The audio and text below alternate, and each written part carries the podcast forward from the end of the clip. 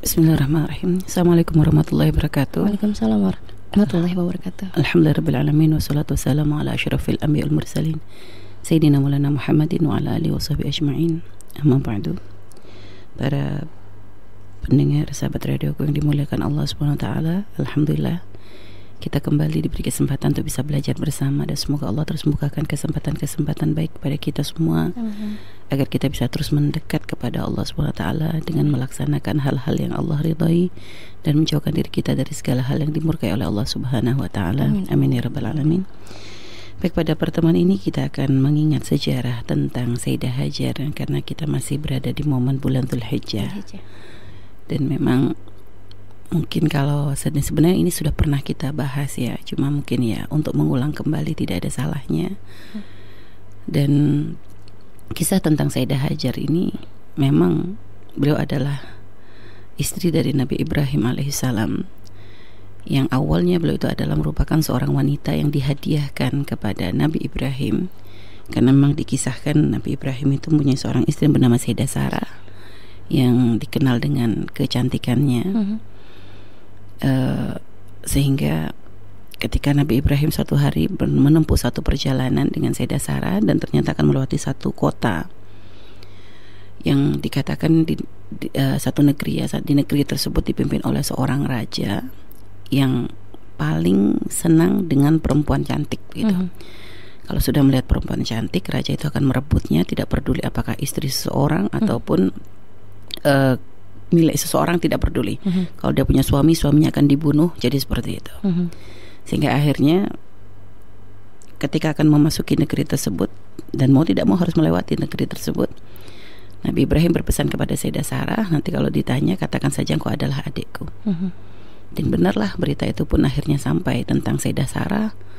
Lalu raja pun menyuruh Nabi Ibrahim dan Sayyidah Sarah untuk menghadap. Lalu ketika menghadap ya dikatakan ini adalah adikku dan diambillah Sayyidah Sarah. Dan ini bukan berarti Nabi Ibrahim lepas tangan dari Sayyidah Sarah. Hmm. karena Nabi Ibrahim tahu. Jadi Nabi itu langkah-langkahnya dibimbing oleh Allah Subhanahu wa taala. Karena Allah yang akan menjaga Sayyidah Sarah. Sehingga akhirnya ketika raja tersebut mendekati Sayyidah Sarah hmm. Allah pun memberikan hukuman kepada raja tersebut dijadikan tubuhnya untuk menjadi batu akhirnya merasa tubuhnya tuh jadi kayak batu. Begitu raja tuh mulai merasa takut. Akhirnya meminta kepada Sayyidah Sarah tolong lepaskan aku pengen ya nak pengen jadi batu lagi lah. Hmm. artinya minta dibebaskan. Hanya Sayyidah Sarah pun berdoa kepada Allah lalu dibebaskan. Akhirnya kembali normal. Tapi raja ini masih penasaran. Diulang lagi mendekati Sayyidah Sarah dan hmm. akhirnya dijadikan batu lagi tubuhnya. Setelah itu dia merasa kaget. Kok dua kali sudah begini? Minta tolong lagi kepada Sayyidah Sarah sampai tiga kali diulang dan dilakukan kepada oleh raja tersebut hmm. dan kembali lagi jadi batu. Hmm. akhirnya dia langsung berkata demi Allah aku tidak akan mengganggumu. Dia merasa ketakutan ini kayaknya perempuan bukan perempuan sembarangan ini. Akhirnya setelah itu dibebaskan uh, oleh Nabi Sayyidah Sarah pun mendoakan lalu dibebaskanlah raja tersebut. Hmm. dan akhirnya raja tersebut memberikan izin kepada Sayyidah Sarah dan Nabi Ibrahim untuk melanjutkan perjalanan. Dan bukan hanya itu saja bahkan raja tersebut berikan hadiah kepada Nabi Ibrahim dan Sayyidah Sarah adalah seorang wanita mm-hmm. yang bernama Sayyidah Hajar itu tadi. Mm-hmm. Sayyidah Hajar adalah awalnya adalah seorang wanita yang yang mengabdi kepada Nabi Ibrahim dan mm-hmm. juga Sayyidah Sarah, seorang wanita solehah yang baik. Dan karena baiknya Sayyidah Hajar Akhirnya muncul di hati Sayyidah Sarah Itu ingin menikahkan Nabi Ibrahim dengan Sayyidah Hajar uh-huh. Dikarenakan Sayyidah Sarah sudah bertahun-tahun Dan usia Nabi Ibrahim pun sudah semakin tua uh-huh. Ternyata masih belum dikaruniai momongan uh-huh. Akhirnya keinginan Sayyidah Sarah pun kuat untuk menikahkan Nabi Ibrahim ya. Dan ternyata dari pernikahan tersebut terlahirlah Nabi Ibrahim. Hmm. Sayyidah Sarah adalah wanita soleha. Akan tetapi yang namanya wanita ya namanya cemburu itu kan ya tidak akan lepas ya namanya orang mencintai mm tentu kadang muncul rasa cemburu mm -hmm. sehingga akhirnya merasa tidak kuat hatinya melihat kebahagiaan artinya melihat Sayyidah Hajar dengan putranya mm -hmm. bagaimanapun beliau adalah seorang istri yang mencintai suaminya mm -hmm. sedang dan dia punya kesedihan karena sudah bertahun-tahun ibaratnya berpuluh-puluh tahun menikah belum juga dikaruniai anak mm -hmm. akhirnya muncul kesedihan dan Sayyidah Hajar pun adalah seorang wanita yang soleha yang baik yang sangat mengerti perasaan Sayyidah Sarah mm -hmm.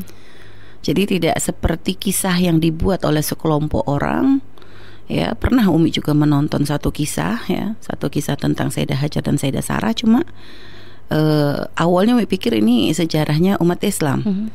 Ternyata dalam kisah tersebut ya Sayyidah Hajar diceritakan menjadi perempuan yang dolim begitu dinikahkan Nabi Ibrahim dinikahin oleh Nabi Ibrahim lalu sewenang-wenang dengan Sayyidah Sarah Sayyidah Sarah diperbudak dan sebagainya sampai ketika akhirnya uh, apa Sayyidah Hajar itu berbuat jahat kepada Sayyidah Sarah ketahuan Nabi Ibrahim diusir oleh Nabi Ibrahim. Ini kan versi-versi ngawur ini. Sehingga kenapa? Karena memang ini ternyata bukan bukan agama Islam. Itu kisah versi agama lain. Yang ternyata memang ya kenapa dia merendahkan Sayyidah Sarah? Karena memang tidak Sayyidah Hajar. Karena nanti dari Sayyidah Hajar kan aksil silah terlahirnya Nabi kita Nabi Muhammad. Shallallahu Alaihi Wasallam. Sehingga makanya yang berubah ceritanya. Tidak seperti itu kisahnya jadi Sayyidah Hajar pun adalah seorang wanita mulia. Mhm. dan beliau pun menikah dengan Nabi Ibrahim karena memang diminta oleh Sayyidah Sarah. Mhm. dan begitu melihat kesedihan Sayyidah Sarah pun Sayyidah Hajar mengerti. Dan merasa bahwa hal ini tidak akan baik nanti. Khawatir nanti akan memunculkan kebencian karena setan subhanallah. Syaitan yajri ala bani adam majradam setan itu selalu mencari celah bagaimana untuk menggoda menghancurkan eh, apa pe- hubungan baik gitu yang terjadi atau apa merusak kita agar kita menjadi orang yang melanggar Allah Subhanahu wa taala dia akan mencari celah-celahnya mana Mhm. dan kecemburuan juga bisa menjadi celah karena berapa banyak kadang dari cemburu akhirnya yang tidak dibimbing dengan syariat akhirnya menjadikan orang tuh bisa melakukan pelanggaran-pelanggaran kepada Allah dan kepada syariatnya Nabi Muhammad. Nah, setan pun seperti itu ingin merusak, tapi ya mereka adalah orang-orang mulia yang dijaga oleh Allah. Mhm. Sehingga akhirnya Allah pun memberikan perintah kepada Nabi Ibrahim untuk membawa Sayyidah Hajar Hajar. dipisah. Dan dibawalah Nabi Ibrahim, eh, dibawalah Sayyidah Hajar oleh Nabi Ibrahim dengan membawa Nabi Ismail yang masih bayi Mhm. melempuh perjalanan panjang sampai akhirnya sampailah ke suatu negeri yang tandus, tidak ada tanaman, tidak ada apa pun gersang. Dan ternyata di saat itulah Nabi Ibrahim melepas Sayyidah Hajar. Berat bagi Nabi Ibrahim, apalagi saat itu bekal yang dibawa sudah tidak banyak, Mhm. tinggal sedikit. Sayyidah Hajar pun merasa kaget di saat Nabi Ibrahim meletakkan, melempatkan beliau di tempat yang tidak ada penduduk, Mhm. tidak ada orang, benar-benar ya tidak ada apa-apa, sangat gersang. Sebagai seorang wanita, Sayyidah Hajar pun merasa ketakutan. Nabi Ibrahim pun meninggalkan istrinya di tempat tersebut bukan hal yang mudah. Beliau menangis. Ketika berpaling untuk meninggalkan Sayyidah Hajar, beliau menangis. Beliau tidak kuat. Cuma ini adalah perintah Allah. Mhm. Akhirnya Sayyidah Hajar pun dengan ketakutannya tapi subhanallah dengan ketakutannya ternyata yang ditanyakan oleh kepada suaminya itu bukankah kenapa kamu tinggalkan aku di sini bukan yang ditanyakan oleh Sayyidah Hajar kepada suaminya adalah wahai suamiku apakah ini perintah Allah engkau meninggalkan aku di sini lihat jadi tahu suaminya adalah seorang nabi yang tidak akan berbuat zalim tidak prasangka buruk kepada suaminya Mhm. jadi ya wahai suamiku, apakah ini perintah Allah dengan kau meninggalkan aku di sini?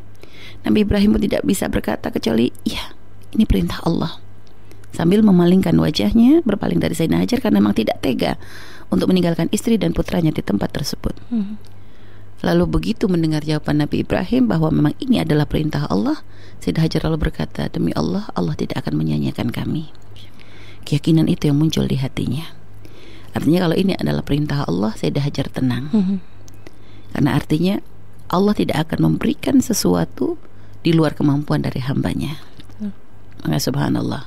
Ini harus jadi pelajaran bagi kita, wahai para wanita. Di saat kita mengalami sesuatu yang berat, yang mungkin di luar dari kemampuan kita, memintalah pertolongan kepada Allah Subhanahu wa taala. Dan berdoalah Rabbana la tu'akhidna in nasina akhtana rabbana wal tahmil alaina isran kama hamaltu ala alladziina min qablina. Rabbana la tuhammilna ma la taqata lana bih. Rabbana la tuhammilna ma la taqata lana bih. Ya Allah jangan kau bebankan kepada kami sesuatu yang di luar dari kemampuan kami ini adalah satu hal yang hendaknya ditanamkan di hati kita keyakinan bahwa Allah tidak akan memberikan ujian di luar dari kemampuan kita maka memintalah kepada Allah sesuatu yang tidak akan menjadikan kita itu akhirnya menjadi melanggar Allah yang kita tidak akan mampu menang, menanggungnya sehingga nanti menjadikan kita bermaksiat kepada Allah Subhanahu wa taala. Baik, jadi ini keyakinan yang dari eh, yang muncul di hati Sayyidah Sarah harus menjadi pelajaran ibrah bagi kita para wanita. Artinya ya husnudonlah selalu kepada Allah. Sayyidah Hajar pun sebenarnya tidak tahu bahwa nanti tiba-tiba Allah akan memberikan pertolongan seperti apa, tidak tergambar di benak beliau. Mhm. Sehingga begitu bekal itu sudah semakin sedikit, beliau pun mulai mencari cara bagaimana untuk mencari air karena air kebutuhan pokok. Nggak makan nggak apa-apa asal jangan sampai nggak minum Hmm, kan iya. begitu. Sehingga dengan kekalutannya melihat bekal sudah semakin sedikit, beliau tidak langsung yakin ini kan sudah menentuk Allah menentukan pasti Allah nanti langsung Kasih. apa mengasih pertolongan serta merta tidak beliau usaha. Hmm. lihat. Jadi tidak langsung eh, dengan keyakinannya bahwa ini adalah perintah Allah dan akan mendapatkan pertolongan dari Allah lalu menjadikan beliau tidak punya usaha tidak beliau berusaha. Belum mencoba mencari nafak mencari apa mencari air. Makanya sampai beliau lari dari bukit sofa marwa sofa marwa sofa marwa lihat. Sehingga orang kalau berusaha melaksanakan ibadah sa'i itu menghadirkan kisah Sayyidah Hajar. Iya. Yang ternyata sa'i itu berat ya ternyata. Eh, maksudnya eh, apa memang perjalanan yang lumayan itu. Mhm. perjalanan lumayan. Sa'i itu kalau di ini berapa kilo gitu ya. Kalau tu- tujuh kali putar balik itu Mhm. berapa kilo? Eh lupa kami itu sekitar berapa hampir tiga setengah kilo atau berapa gitu. Pokoknya ya lumayan panjang sebenarnya hanya ya kalau orang sekarang melaksanakan sa'i umroh sa'i ibadah sa'i itu ya enak. Dengan AC Iya. air zam-zam tinggal minum gitu ya. Capek tinggal duduk. Saya dah hajar kebayang waktu itu kondisi seperti apa. Nggak ada apa-apa panas. Kondisi panas tidak ada siapa pun dengan perasaan khawatir yang muncul di hati beliau. Mhm. karena air sudah semakin sedikit sedangkan Nabi Ismail sudah semakin menangis. Sudah menangis kehausan. Akhirnya berlari dari bukit sofa marwa sofa marwa sofa marwa mencoba lagi mencoba naik sofa. Gak ketemu coba lagi di marwa gak ketemu lagi berharap siapa tahu ada yang terlewat ketika ke sofa. Coba lagi naik ke sofa. Masih belum terlihat jejak air sedikit pun naik lagi. Ya Padahal ya Allah perjalanan berat dan oleh wanita dalam keadaan dia kelaparan, kehausan, khawatir, punya bayi, kebayang. Subhanallah ini kalau bukan wanita istimewa nggak akan seperti ini ujiannya. Karena memang beliau adalah wanita istimewa pilihan dari Allah Subhanahu wa taala, pilihan Allah, wanita yang memang subhanallah akan melahirkan dari keturunannya nanti adalah nabi yang paling mulia yaitu Nabi Muhammad alaihi. Akhirnya setelah tujuh kali melampaukan perjalanan pulang pergi Sofa Marwa Akhirnya Nabi Sayyidah Hajar pun kembali Ternyata sudah melihat di dekat kaki putra beliau itu ya. Ada mengatakan itu adalah dari hentakan eh, apa Nabi Kaki. na- kaki Nabi Ismail. Ada yang kisah tiba-tiba air itu muncul di sebelahnya Nabi Ismail. Ada banyak versi. Artinya tidak ada yang mustahil dengan seperti itu semuanya. Karena mereka adalah wanita orang-orang pilihan Allah. Mhm. Dan akhirnya subhanallah dari situ ternyata terpancarlah air zam-zam. Yang ini adalah air yang sangat-sangat istimewa, yang merupakan air yang tidak akan tidak ada habis-habisnya. Bahkan sampai sekarang air zam-zam itu terus padahal yang meminum jutaan orang ibaratnya, tapi tidak pernah berhenti. Ya, ini memang adalah pertolongan dari Allah Subhanahu wa taala. Sehingga akhirnya setelah air ditemukan ya dan merasa tenanglah Sayyidah Hajar. Bersyukur kepada Allah Subhanahu wa taala sehingga akhirnya beliau dan putranya pun bisa bisa bisa nyaman bisa bisa tertolong dengan itu semuanya. Dan akhirnya karena memang air itu memang selalu menjadi tempat yang dituju oleh orang. Mulai ketika ada orang melakukan perjalanan melihat ada banyak burung begitu kan oh berarti di situ biasanya di bawahnya itu ada air. Air. sehingga akhirnya orang menuju di situ dan ter- terkejut ternyata ada seorang wanita dengan bayinya yang ada di situ dan di situ ada air yang terus melimpah. Akhirnya mulailah di situ dibuat menjadi satu perkampungan. Mhm. Setelah bertahun-tahun Nabi Ibrahim meninggalkan putranya Sayyidah Is- eh, Nabi Ismail dan juga istri tercinta Sayyidah Hajar. Mhm. Lalu Nabi Ibrahim pun eh, punya kerinduan kepada putranya dan ingin melihat kondisi putranya seperti apa. Saat itu saya Nabi Ibrahim, Nabi Ismail sudah berumur di- ada riwayat banyak, ada yang mengatakan di usia 13 tahun, ada yang mengatakan di usia 10 tahun, ada banyak. Intinya ya dalam masa kanak-kanak lah. Mhm. Akhirnya Nabi Ibrahim pun menuju ke sana dan terkejut melihat ternyata sudah ada perkampungan dan putranya pun tumbuh dengan baik. Nah, Nabi Ibrahim merasa sangat bersyukur, senang dengan pendidikan yang diberikan oleh Sayyidah Hajar kepada putranya karena putranya menjadi seorang laki-laki yang baik, yang soleh, Mhm.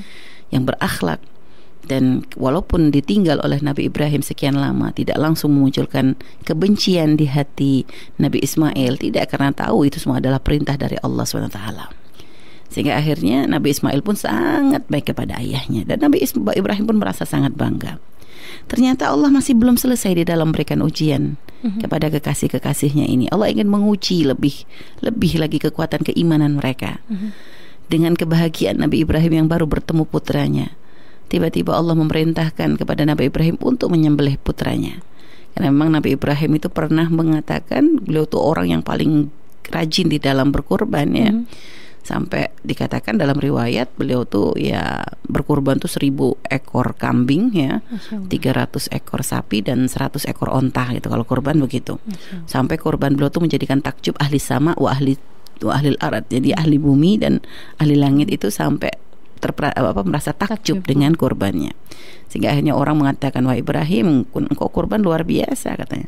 Kata Nabi Ibrahim ini bukan apa-apa. Seandainya Allah perintahkan aku untuk menyembelih putraku pun akan aku berikan. Hmm. Akan mengorbankan putraku akan aku berikan kata Nabi Ibrahim. Karena waktu itu beliau belum punya anak. Hmm. Belum punya anak dan beliau berkata seperti dan Allah ingat akan apa yang disampaikan oleh Nabi Ibrahim karena Allah tidak akan lupa. Hmm. Akhirnya Allah mengingatkan kembali, wahai Ibrahim, uh, penuhi nadarmu, hmm. sembelih putramu. Penuhi nadarmu. Kaget Nabi Ibrahim awalnya belum sembelih putranya. Jadi uh, memang ada orang yang mengatakan sembelih putranya langsung kalimatnya dia mengatakan penuhi nadarmu. Nabi Ibrahim ingat apa nadarnya. Beliau tidak ingat sampai akhirnya ya uh, beliau bisa dikatakan waktu itu langsung menyembelih 100 ekor onta begitu. Mm -hmm. Yang akhirnya tiba-tiba ontanya terbakar begitu. Saat itu juga merasa mm -hmm. dan Nabi Ibrahim menganggap itu sudah diterima. Mm -hmm. Ternyata malamnya bermimpi yang sama. Wah Ibrahim katanya penuhi nadarmu. Mm -hmm.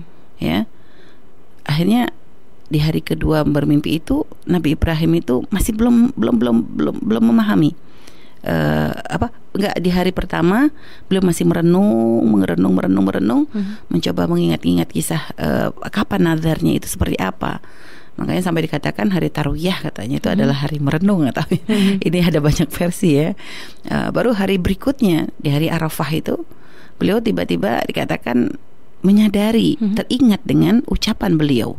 Terperanjat beliau, tapi masih belum yakin. Ya, belum yakin. Tapi sudah mulai paham, mengingat janji beliau untuk menyembelih putranya. Baru hari ketiga, akhirnya memang ada perintah, wahai Ibrahim, penuhi nadarmu dan sembelih putramu. Saat itu beliau sudah merasa yakin ini mimpi bukan mimpi main-main. Hmm. Mimpi ini bukan mimpi dari setan, bukan setan yang menggoda. Ini ada perintah dari Allah Subhanahu wa taala. Hmm. Sehingga akhirnya beliau tuh menangis bangun tidur menangis. Bayangkan putra yang sudah lama dinanti, yang sangat dirindu, bertahun-tahun tidak bertemu. Begitu ketemu tiba-tiba dapat perintah untuk menyembelih berat. Dan akhirnya ya karena cuma ini adalah orang-orang bertakwa, akhirnya Nabi Ibrahim pun menjalankan perintah Allah Subhanahu wa taala. Akhirnya Nabi Ibrahim uh, meminta kepada Sayyidah Hajar untuk mendandani putranya. Karena Nabi Ibrahim mengatakan aku akan membawanya untuk uh, apa? Aku akan membawanya ke tempat uh, untuk untuk apa namanya? Aku akan membawanya pergi dan tolong dandani putramu dengan pakaian yang bagus. Hmm. Sayyidah Hajar tidak banyak bertanya. Belum mematuhi perintah suaminya didandani Nabi Ibrahim. Nabi Ismail dengan dandanan yang pantas. Saat itu setan rame setan heboh melihat ini hamba-hamba Allah akan menjalankan perintah dari Allah wah setan gak terima ini mulai dia menggoda Nabi Ibrahim Setan menggoda Nabi Ibrahim, wahai Ibrahim, apa kamu tega? Lihat putramu, begitu tampannya dia. Hmm. Apa kamu tega untuk menyembelih putramu dengan alasan ini adalah perintah Allah? Hmm. Kata Nabi Ibrahim, tidak. Aku akan menjalankan perintah Allah. Tetap kuat dengan keyakinannya. Akhirnya tidak mempan menggoda Nabi Ibrahim, mulailah setan menggoda Sayyidah Hajar. Wahai Hajar, jangan senang dulu. Kamu nggak tahu tak Ismail itu mau dibawa ke mana? Ismail itu akan disembelih oleh ayahnya. Kata Sayyidah Hajar bagaimana mungkin seorang ayah menyembelih putranya? Katanya karena Nabi Ibrahim menyangka karena Ibrahim menyangka itu adalah perintah Allah. Kalau kata Sayyidah Hajar begitu mendengar ucapan dari syaitan tersebut dia berkata kalau memang itu adalah perintah Allah bahkan nyawaku pun akan aku berikan Subhanallah.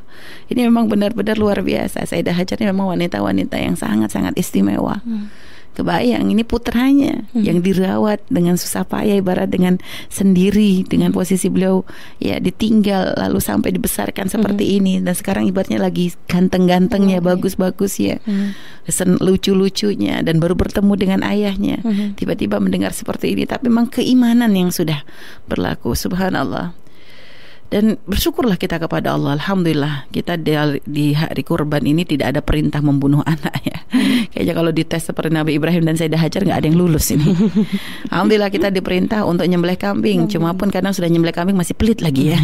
Padahal bukan perintah untuk menyembelih anak. Nyembelih kambing pun kadang masih banyak yang mikir perhitungan dan sebagainya. Pelit ya. Sehingga kadang subhanallah makanya tingkat kurban di Indonesia ini dengan jumlahnya umat Islam nggak pernah seimbang ya. Yang dikorbanin berapa yang di yang yang yang orang muslimnya berapa, kambingnya, sapinya berapa yang disembelih.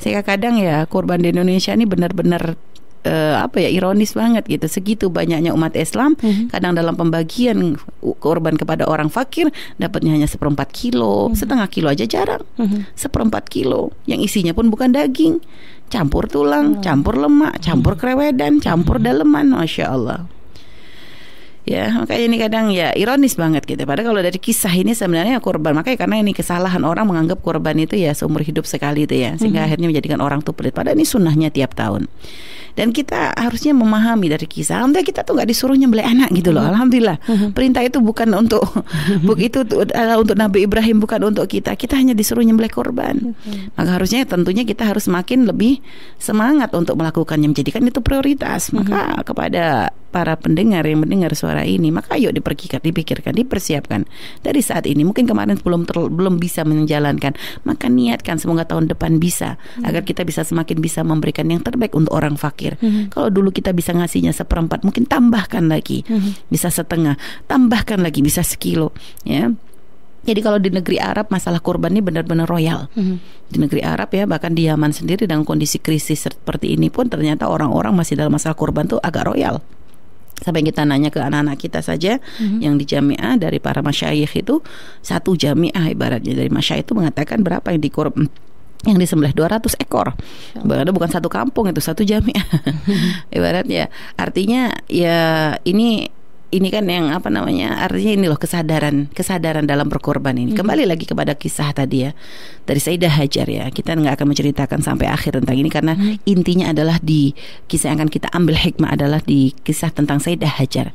Kekuatan iman seorang wanita yeah. ya, seorang istri, seorang ibunda bagaimana beliau tuh bisa menempatkan dirinya di saat hmm. beliau masih belum dinikahi Nabi Ibrahim khidmahnya kepada Sayyidah Sarah kepada hmm. Nabi Ibrahim sedang sangat baik ketika menjadi istri pun seperti itu hmm. beliau memerankan peran istri dengan sangat baik dan ketika menjadi seorang ibu pun seperti itu luar biasa hmm. jadi ini adalah benar-benar suatu ke kebanggaan bagi kita ya hmm. untuk ya mengingat kisah beliau ya bahwa beliau sendiri dari itu dah keturunan uh, silsilah dari Nabi kita Nabi Muhammad Shallallahu Alaihi Wasallam hmm. Ya, ini harus menjadi satu contoh ibrah bagi kita.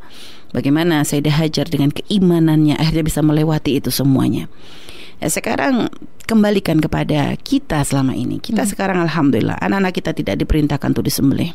Hanya Allah merintahkan kepada kita untuk memberikan tarbiyah kepada anak-anak kita. Hmm. Sekarang berapa banyak kadang seorang ibunda yang anaknya tuh pengen cari ilmu malah dihalangi. Hmm bukan bukan untuk untuk menyerahkan nyawa ini. Pengen cari ilmu agama. Berapa banyak kadang orang tua lebih senang untuk um, hanya pengen kumpul dengan anaknya tapi mm -hmm. tidak takut anaknya melanggar Allah Subhanahu wa taala.